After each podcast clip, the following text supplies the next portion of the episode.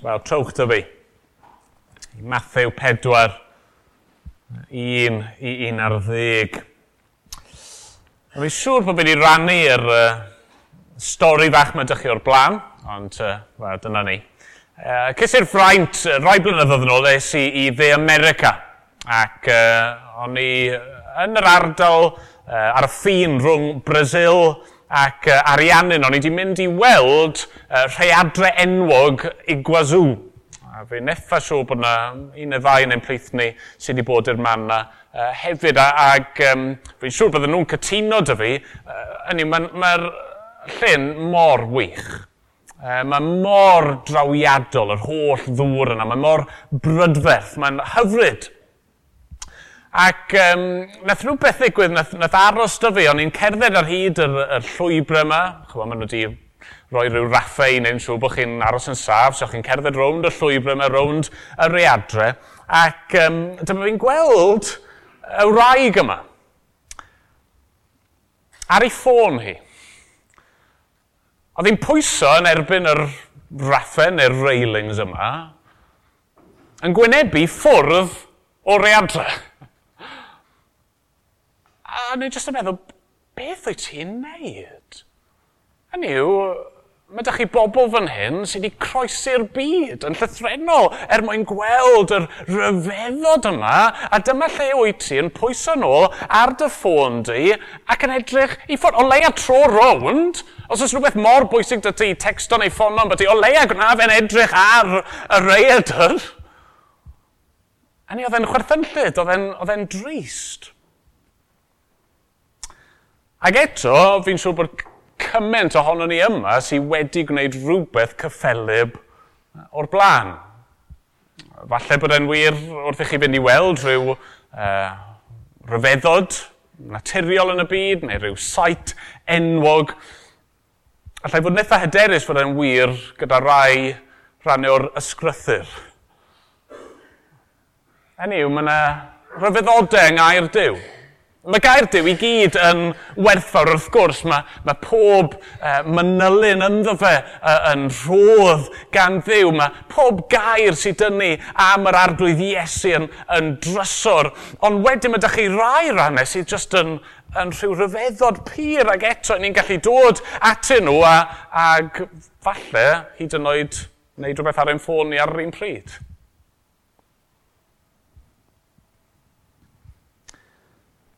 y geni gwirthiol. Dew yn dod yn ddyn ac yn gorwedd mewn preseb brwnt.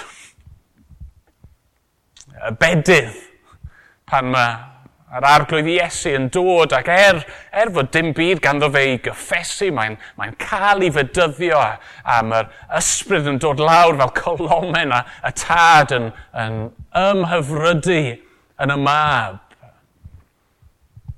y trawsnewidiad, pan mae tri o'r disgyblion yn cael gweld rhywbeth mwy nag o'n nhw wedi gweld o'r blaen am Iesu yn, yn lan, yn wyn, yn ddisglair, yn ei ogoni hynta.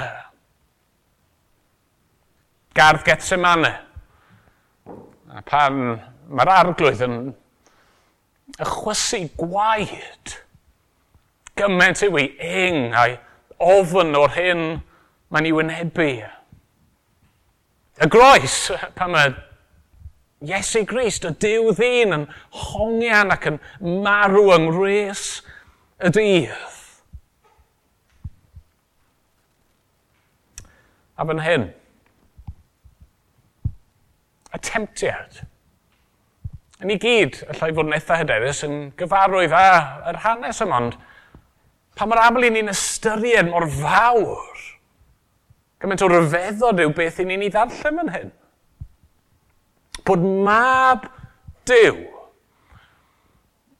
yr un mae pob peth wedi ei greu trwyddo fe ac er ei fwyn e yn mynd yr anialwch, yn dewis darostwng ei hun, ymwadu ei hun, yn prydio am 40 diwrnod a 40 nos a mae chi'r er understatement mwyaf yna yn does. E, daeth arno eisiau bwyd. Wrth gwrs oedd eisiau bwyd arno fe.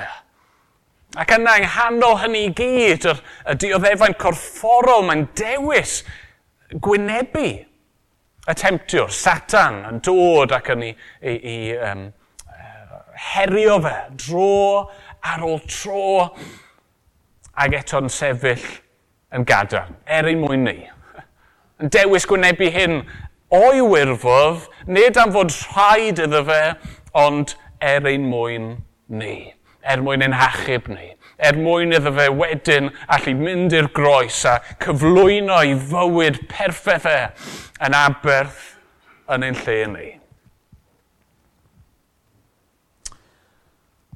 Mae'n rhyfeddol. A fi'n gobeithio nawr wrth i ni just treulio chydig o amser yn edrych ar y rhyfeddod yma, bydd, bydd yna rai pethau yn taro ni, falle um, wrth i chi ddarllen eich hun, bydd yr arglwydd yn dangos rhywbeth newydd i chi, ond mae yna rai pethau i fi eisiau tynnu at ein sylw ni.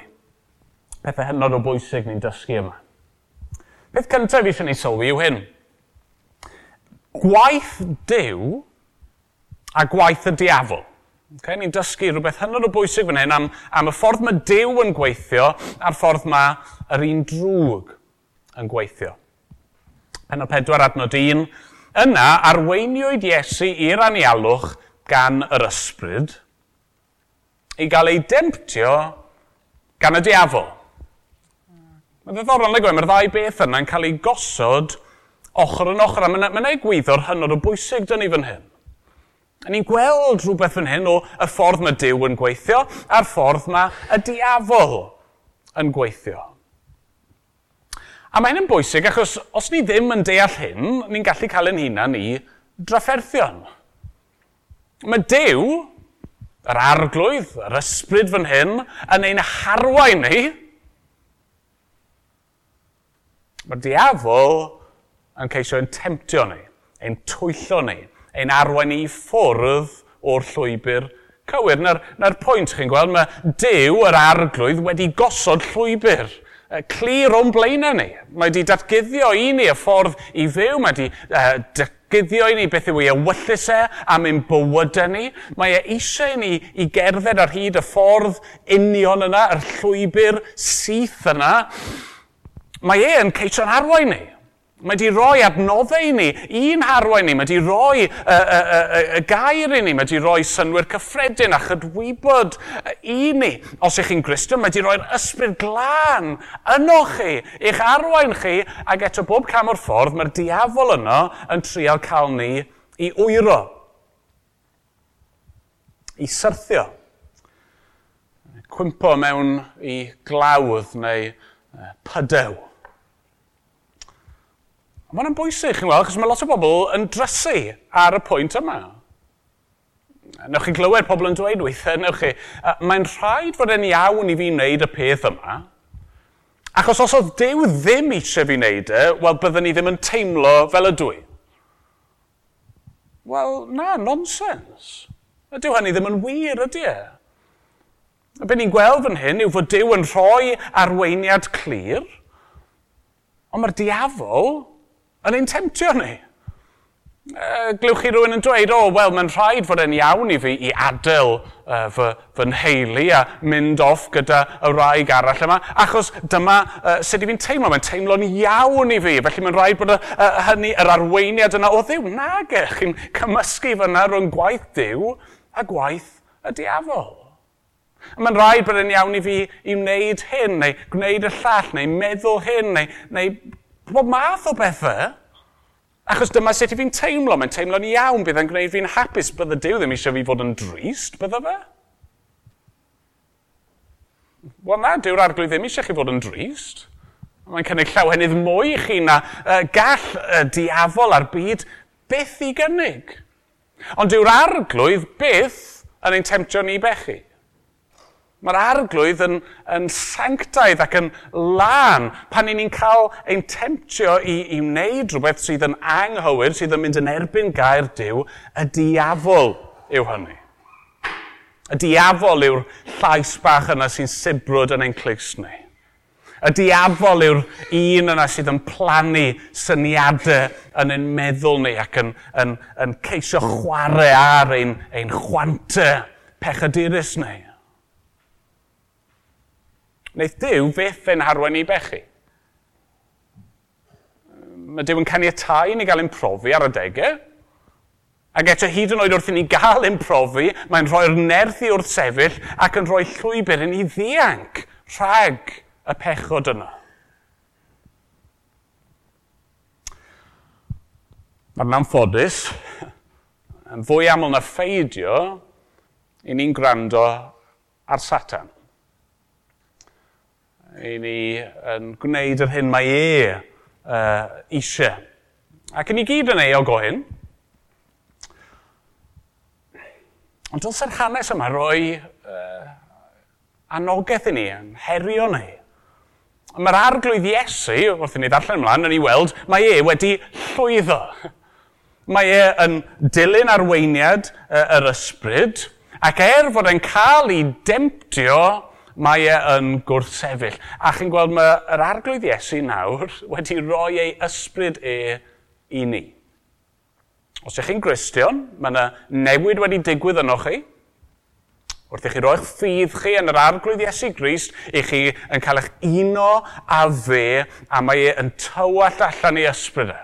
Mae wedi tywall allan yr ysbryd glân ar yr eglwys, ar ei bobl e. Mae'r ysbryd yna nawr yn trigo yno ni. Ie, yn ein harwain ni, ac yn ein nerthu ni, ac yn rhoi'r gallu i ni wrth sefyll. Y peth gyntaf, gwaith dew a gwaith y diafol. Yna ni'n dysgu rhywbeth am air dew a gair y diafol. Be maen nhw'n dweud, y ffordd maen nhw yn siarad. Mae Iesu ni'n clywed yn mynd i'r anialwch. Mae'n prydio am ddeugain dydd, deugain nos, daeth arno eisiau bwyd. A rhywbeth mawr yn digwydd fan hyn yn does. Um, lle bydd rai ond chi'n cofio bore yma. Ar ddiwedd yr adran o'n i'n edrych arno fe, mae Moses yn mynd lan i ben mynydd Seinau a mae e yno. Ond dydy am 40 uh, diwrnod, 40 nos, mae'n mae cael ei baratoi ar gyfer uh, yr hyn sydd o'i flaen e, a felly mae'n rhywbeth tebyg yn digwydd fan hyn. Yr arglwydd Iesu yn, yn cyflawni y cysgod yna. Um, ond mae Iesu'n gwneud rhywbeth mwy eto fan hyn, yn dydy? Mae Iesu yn cyflawni fan hyn beth oedd Israel di methu wneud yn yr anialwch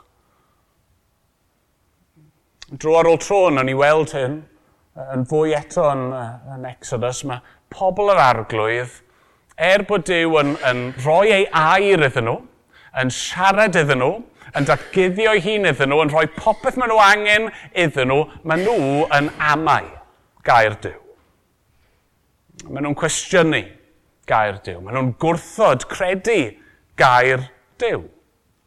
Dyna pam, wrth gwrs, maen nhw'n treulio 40 mlynedd yn yr anialwch. So mae Iesu fan hyn, mae'n mae mynd i lwyddo llynaeth Israel fethu, ond yn fwy hyd yn oed na hynny, mae Iesu mynd i lwyddo llynaeth adda fethu. Chi'n meddwl nôl i'r creu. Adda efa, yn yr ardd, mewn paradwys. Dyw yn rhoi ei aire iddyn nhw, yn dweud wrthyn nhw, peidiwch bwyta o, o, o ffrwyth y, y goeden yna. Os ych chi'n bwyta hwnna, byddwch chi'n marw. Ac oedd angen i addag efo i gredu y gair yna. Ac oedd dim reswm dyn nhw i ame y gair yna. Ac oedd ganddyn nhw bopeth nhw angen yn yr ardd. Ond mae Satan yn dod, a mae air e yn achosi iddyn nhw i gwestiynu. Cael ei twyllo. Maen nhw'n cymryd ac yn bwyta ac yn methu mewn paradwys. Ond mae Iesu fan hyn yng, yng nghalol yr anialwch uh, wedi ymprydio am yr holl amser yma yn dal yn mynd i lwyddo. Sut mae Iesu'n sefyll yn gryf? Wel, trwy lynu wrth air dew. Yn yr gyfrinach, ydy ddim yn rhyw gyfrinach mawr ydy e. Uh, mae yna frwydr yn cael ei ymladd fan hyn rhwng gair diw, gair y diafol, pwy mae Iesu mynd i rando arno fe? Edrychwch be mae y diafol yn ei wneud. Mae'r mae, diafol fel tai uh, uh, yn, yn trial cael Iesu i gwestiynu gair Dyw ac addewidion Dyw. Arno tri, os mab Dyw o'i ti. Dywed wrth y cerig hyn, am droi'n fara. Nawr wrth gwrs mae Iesu newydd gael i fydyddio. Mae newydd glywed llais y tad o'r nef yn cyhoeddi hwn yw fy mab, yr anwylid, yn ddo ef yr wyf yn ymhyfrydu. Ond yn syth mae'r diafol yn dod ac yn, yn ceisio cwestiynu hynny. Os, os mab dew i ti, Os mae ti yw mab Dyw, uh, pam bod e'n gadael ti allan fan hyn yng nghanol yr anialwch? Pam bod ti eisiau bwyd cymaint? Mae y diafol yn ceisio cael Iesu i gwestiynu daioni Dyw. Uh, mae Dyw di addo darparu i'w bobl, ond dyma mab Dyw yng nghanol nynlle a dim ond cerig o'i gwmpas. Y diafol yn trio cael Iesu i gwestiynu gofal Dyw adnod uh, chwech. Os mab dew o'i ti, bwrw dy hun i lawr, oherwydd mae'n ysgrifenedig fydd o'r chymyn i'w angylion amdanad. Byddant yn dygodi ar ei dwylo rhag i ti darod y droed yn erbyn carreg. Mae y diafol fan hyn hyd yn oed yn gallu troi neu gwirdroi gair dyw. Ac uh, defnyddio hwnna fel ffordd i demtio Iesu i wneud rhywbeth oedd yn anghywir. Mae'n dweud wrth Iesu, os mae ti yw mab Dyw, profa fe. Tafla dy hunan i ffwrdd, achos bydd Dyw ddim yn gadael i ti gwmpo, bydd e ddim yn gadael i ti cael dy frifo.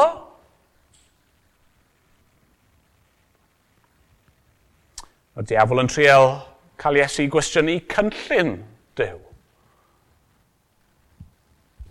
Unwaith eto, cymerodd y diafol ef i fynydd uchel iawn. Dangos iddo holl deyrnasoedd y byd a'i gogoniant a dweud wrtho, rhain i gyd a roddaf i ti, os syrthu lawr am haddoli i.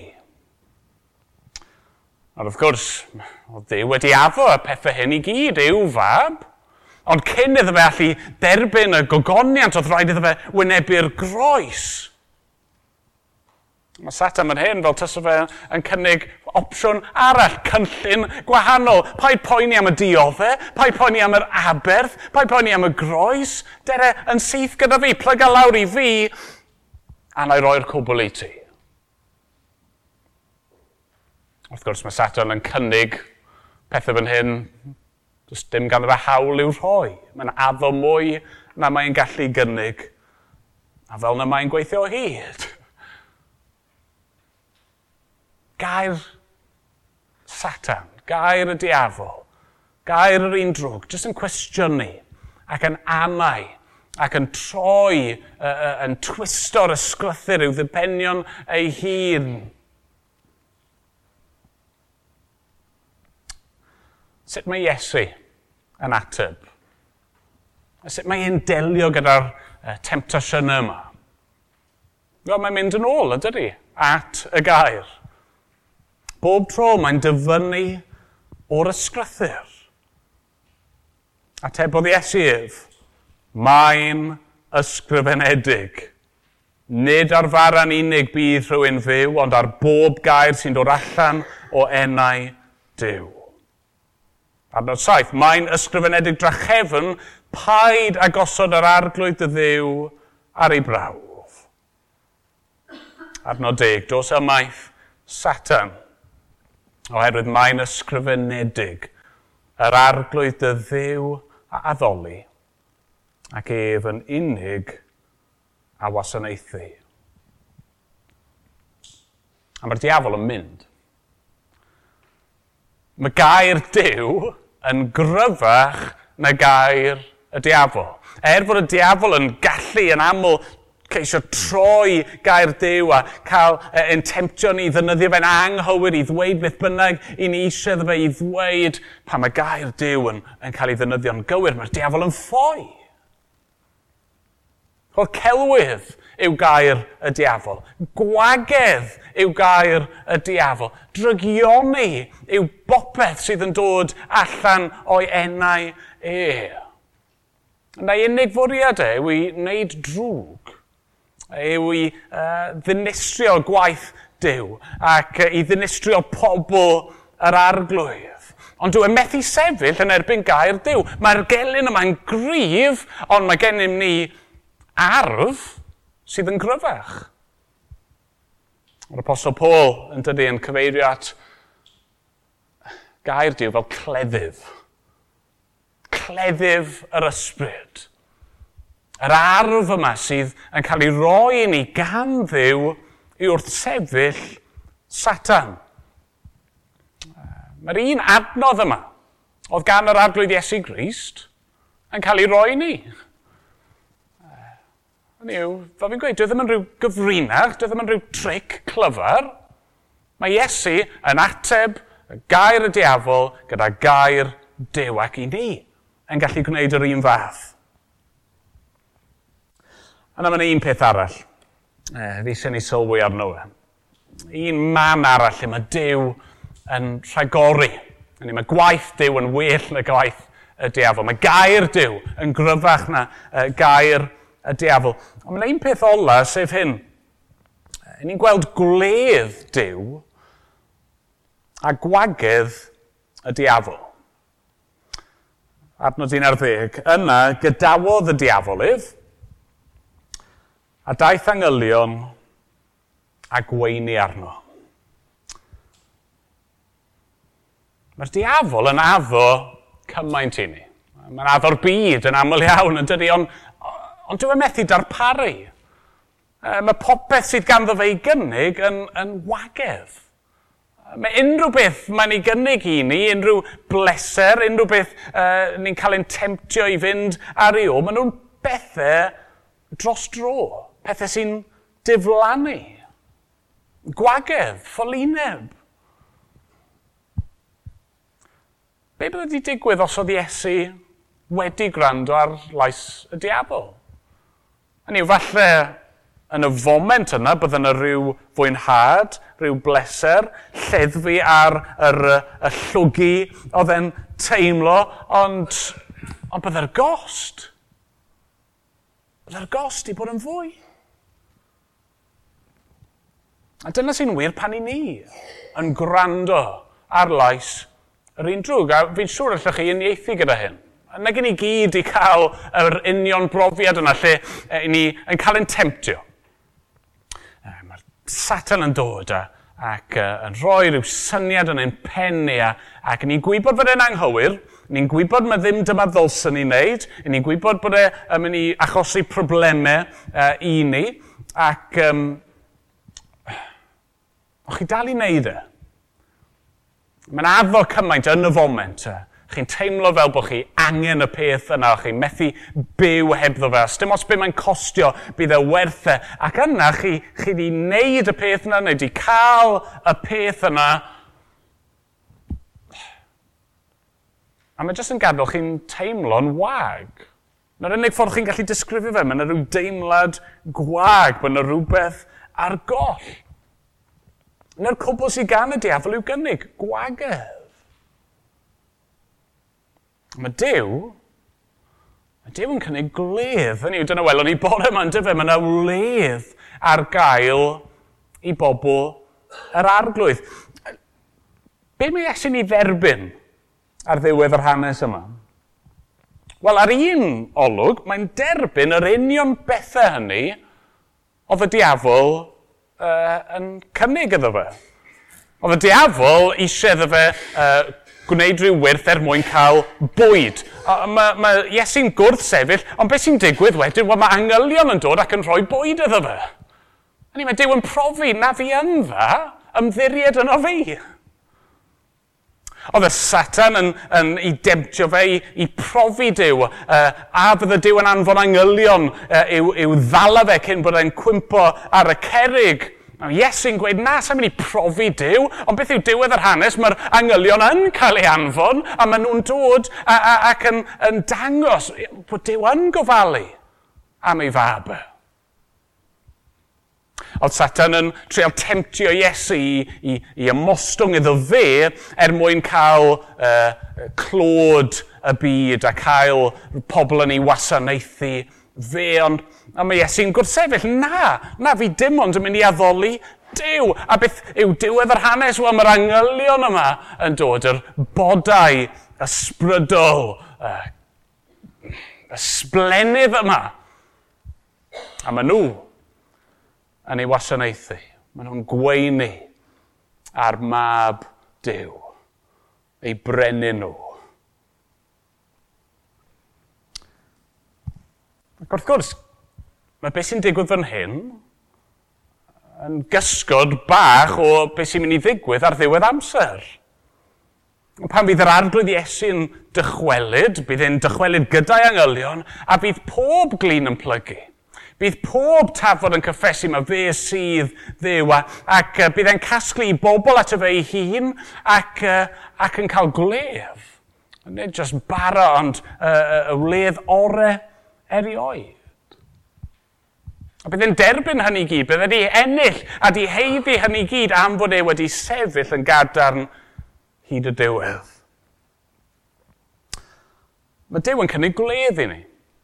A fi ddim eisiau chi gamddeall, okay, fi ddim yn golygu, os ych chi'n gwrthsefyll y diafol, bydd Dyw yn darparu yr union beth yna i chi.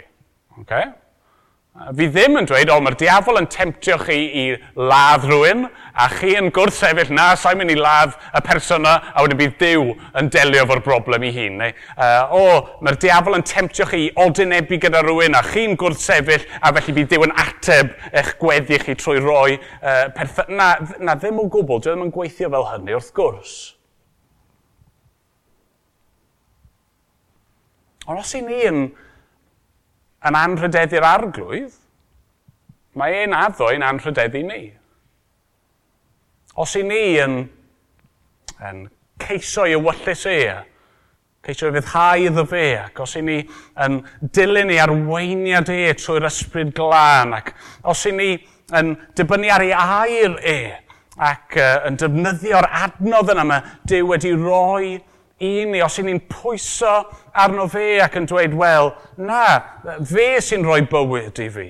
Fe sydd yn, yn darparu ar yng nghyfer i. Fe yn unig i fi mynd i addoli. Bydd e yn rhoi popeth i ni.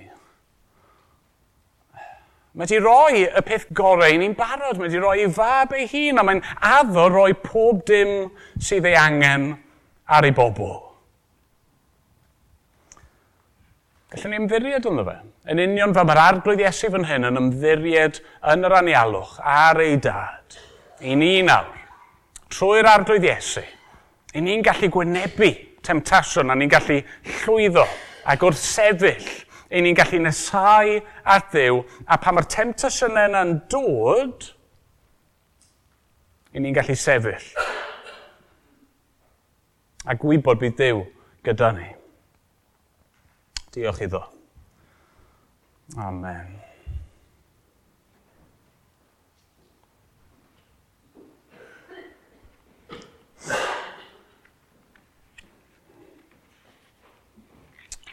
Ni'n mynd i ganu i orffen o'r atodiad. Rhaid 23. Ger bron fy new a'i orsedd gref. Mae gen i fachos llawn dilith. Yr archoffeiriad mawr yw ef sy'n byw i eiriol trosof beth. Ar uh, ail bennill, os satan ddaw i'n bwrw i lawr gan feio ar fy nghalon ddi, edrych a fri weld yn awr yr un sy'n cuddio'n beiau li. Am i'r dieog fynd i'r groes, caiff fennau deiog ei ryddhau dew Dew'r cyfiawn ni ar sail y loes o'i weled ef sy'n maddau mawr. Ac ymlaen, o'n i sefyll i ganu.